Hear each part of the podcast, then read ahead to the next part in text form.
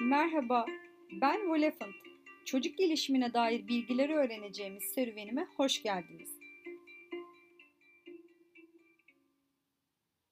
Merhaba, bugün bir konuğum var. Kendisi iletişim bilimleri alanında uzmanlığını yapan ve çocuk edebiyatı üzerine çalışmalar yapan biri.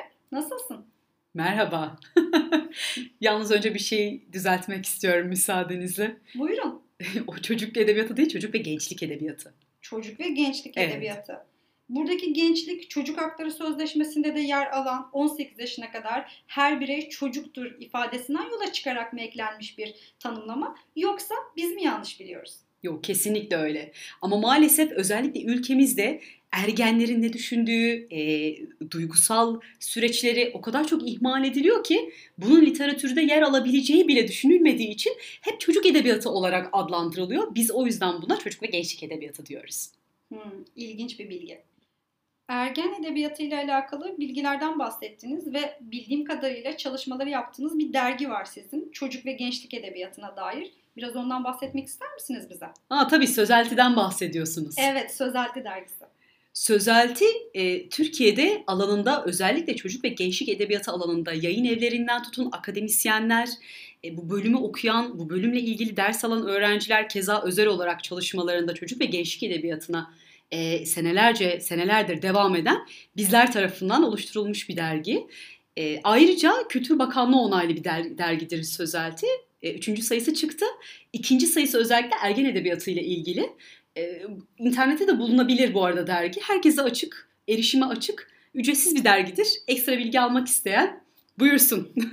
Peki, o zaman ben bu derginin linkini herhalde dinleyicilerimizle paylaşabilirim. Aa elbette tabii ki. Tamam, alana ilgisi olan herkesin okumasını ben de tavsiye ediyorum. Ama şimdi şunu merak ettim. Sözelti dergisinden bahsettik. Dergiler yazılı e, edebiyat türlerinden Doğru. ve edebiyat sadece yazılı mı?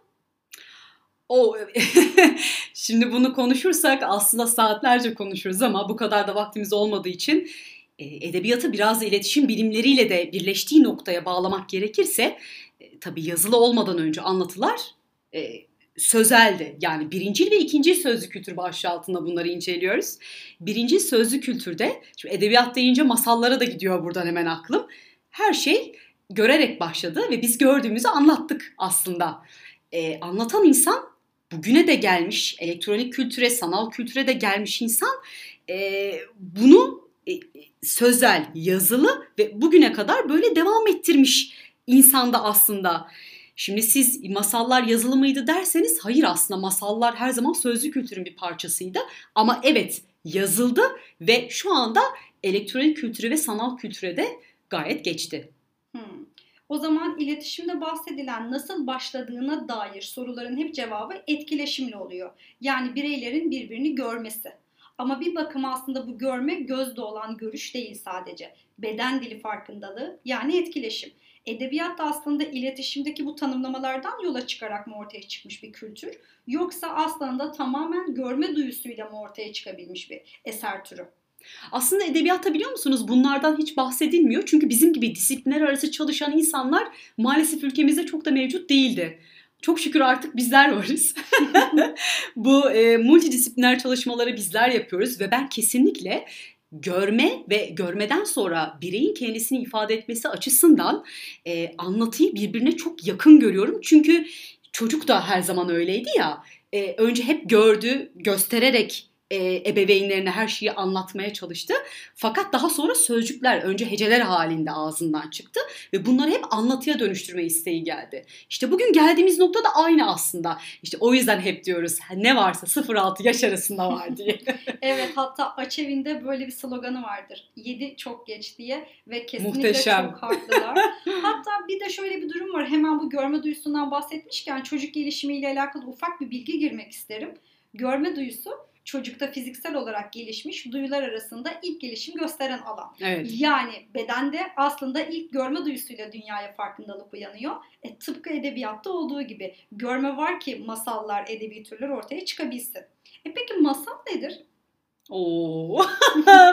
Bana e, özellikle uzmanlık alanı masal olan birine sorulacak en zor soru. Masal nedir?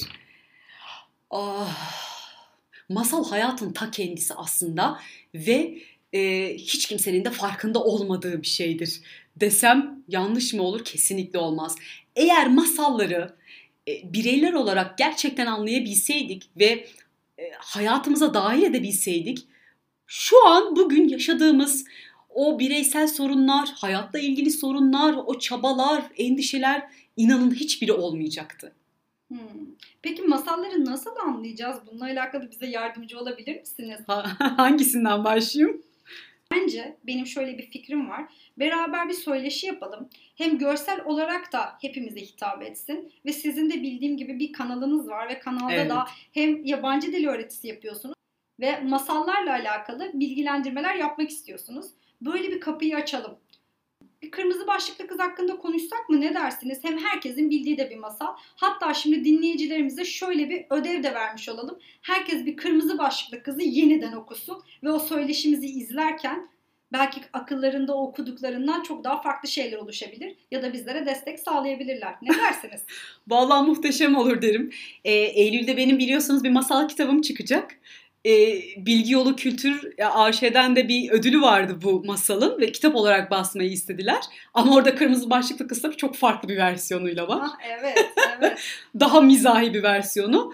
Ama derseniz ki gelin şu kırmızı başlıklı kızı bir konuşalım. Çocuğa uygun mudur, değil midir? Bu aslında yetişkinlere uygun bir masal mı? Yoksa masallar aslında çocuklara hiçbir zaman uygun olmadı mı?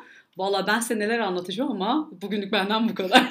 Çok merakla bekliyorum o söyleşiyi o zaman. Bu çocukluk serüvenine dahil olduğunuz ve böyle bir kapıyı açtığınız için çok teşekkür ediyorum. Görüşmek üzere. Rica ederim. Görüşmek üzere. Hoşçakalın. Çocuk gelişimiyle ilgili konuşacağımız diğer konu başlıklarını kaçırmamak için beni takip etmeyi unutmayın. Sevgiler.